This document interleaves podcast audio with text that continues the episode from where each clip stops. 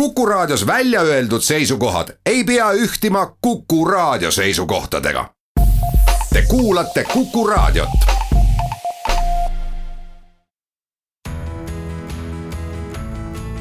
kuku Raadio nädala kommentaar.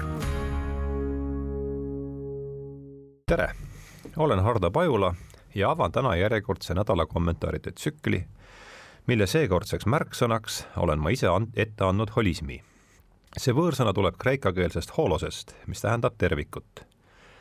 kõnealuse termini võttis kasutusele Lõuna-Aafrika riigimees ja õpetlane Jan Smuts oma tuhande üheksasaja kahekümne kuuendal aastal ilmunud raamatus Holism ja evolutsioon. Smutsi sõnul on holism ülim sünteetiline, korrastav, organiseeriv ja reguleeriv jõud universumis, mis hoiab käigus kõiki selles leiduvaid struktuurseid rühmi, mille hulka kuuluvad nii aatomid, molekulid kui ka organismid igapäevases kõnepruugis tähendab holism igasugust õpetust, mis rõhutab terviku esmasust selle osade ees. sellisena vastandub ta eelkõige reduktsionismile. reduktsionistliku käsitluse järgi on ühe teadusharu mõisted, meetodid ja seletusviisid tuletatavad mõne teise teadusharu omadest. reduktsionismi olemuse võib lühidalt kokku võtta järgmise arutlusahelaga. psühholoogia on tegelikult bioloogia, bioloogia on tegelikult keemia keemia on tegelikult füüsika ja füüsika on tegelikult matemaatika. ehk siis veel lühemalt, psühholoogia on tegelikult matemaatika. redaktsionismi taga on ajalooliselt peitunud materialistlik oletus, et kuivõrd aatomid kujutavad endast ülimat ja igavest reaalsust, siis saab kõike selgitada tillukeste osakeste ning nende keemiliste ja füüsikaliste vastasmõjude kaudu. seetõttu on teadvus taandatav ajule, ajutegevus keemiale ja närvirakkude füüsikale fü-, rakkude molekulidele, molekulid aatomitele, aatomid subatomaarsetele osakestele. USA teoreetiline füüsik Lee Smolin on samas vaimus väitnud, et kaheteistkümnest osakesest ja neljast jõust piisab, et teadaolevas maailmas kõike seletada. ta usub, et kui täielik fundamentaalosakeste teooria on kord välja töötatud, saab kõiki keemia, elu ja vaimunähtusi selgitada väiksemate aineosakeste liikumise abil seda, mida me tajume looduses puu, tuvi või kassina, tuleb reduktsionistliku arusaama järgi pidada meelepetteks. tegelikkus jääb meie meeltele tabamatuks ning on haaratav üksnes mõistusega. täpsemini puu, tuvi või kassi matemaatilise mudeliga. lasteaias võivad väikelapsed veel elavate loomadega suhelda, ent kui nad suuremaks kasvavad, kaugenevad bioloogiaõpingud üha enam ja enam nende igapäevasest kogemusest kirjutab Briti bioloog Rupert Sheldrake oma raamatus Teadus ja vaimne praktika peagi jätab bioloogia reaalsed loomad ja taimed üldse maha ning õpikud keskenduvad diagrammidele füüsikalistest ja keemilistest mehhanismidest, DNA molekulide mudelitest, ajupiltidest ja arvutisimulatsioonidest. tulemuseks on see, et teaduslikud mudelid hakkavad tunduma elavatest organismidest olulisemad ja reaalsemad. kuivõrd need mudelid esitavad aga füüsikalisi protsesse, mida on võimalik modelleerida matemaatiliselt, siis peagi paistabki matemaatika ülima reaalsusena elava looduse asemel asuvad mentaalsed abstraktsioonid, mida võib leida üksnes inimese teaduses või tarkvaras, võtab Sheldrake kokku reduktsionistliku lähenemise tagajärjed ja põhiprobleemid. moodne teadus võttis vaikimisi omaks Platoni fundamentaalse reaalsuse hierarhia, kirjutab USA kultuuriloolane Richard Tarnos.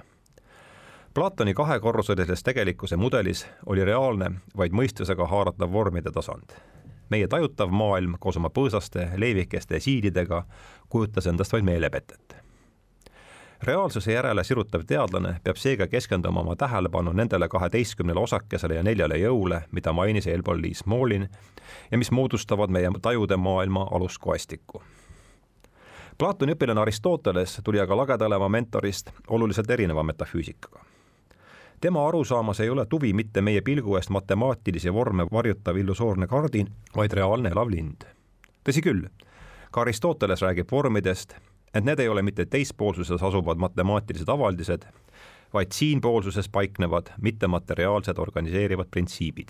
Needsamad korrastavad, organiseerivad ja reguleerivad jõud, millest kõneles eelpool Jan Smuts. keskaegsesse Euroopasse jõudis Aristotelese õpetus tema juhtiva kristliku tõlgendaja Aquino Thoomase kaudu, kes arvas, et taimede ja loomade füüsiline keha kujuneb aineosakestest vastavalt nende organismide hingele, mis oli selles käsitluses keha vormiks hing kujutas endast justkui mingit nähtamatut šablooni, mis kujundas tuvikeha selle kasvamise käigus ning suunas seda täiskasvanud tuvivormi poole. tuvimolekulide uurimiseks tuleb lind kõigepealt tappa, kirjutab Sheldrake, jahvatada tema koed ja rakud ning eraldada nende osised. kuid selle protsessi käigus hävineb kogu tuvi kehastruktuur ja käitumine, nii nagu hoone ehitusplaan kaob pärast lammutamist hoone arhitektuuri ei saa välja selgitada selle jäänuste keemilise analüüsi kaudu. Nii nagu tuvi kehavorme ja koju naasmiskäitumist ei saa taastada tema molekulide analüüsi põhjal.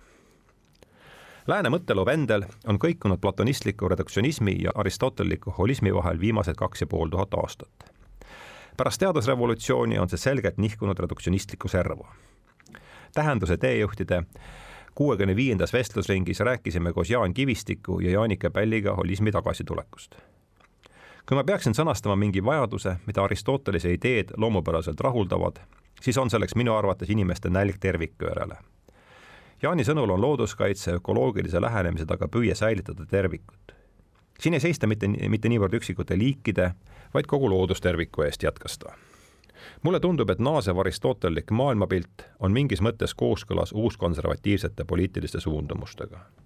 see paistab olevat moes, aga kas see mood on tuhande või kümneaastane, seda näitab aeg. kui see mood aitab meil säilitada meie elukeskkonda, siis annaks Jumal, et see on tuhandeaastane, vastas selle peale Jaanika. ma olen Jaanikaga nõus. kuidas on lood sinuga, kallis raadiokuulaja? head nädalavahetust Kuku Raadio nädala kommentaar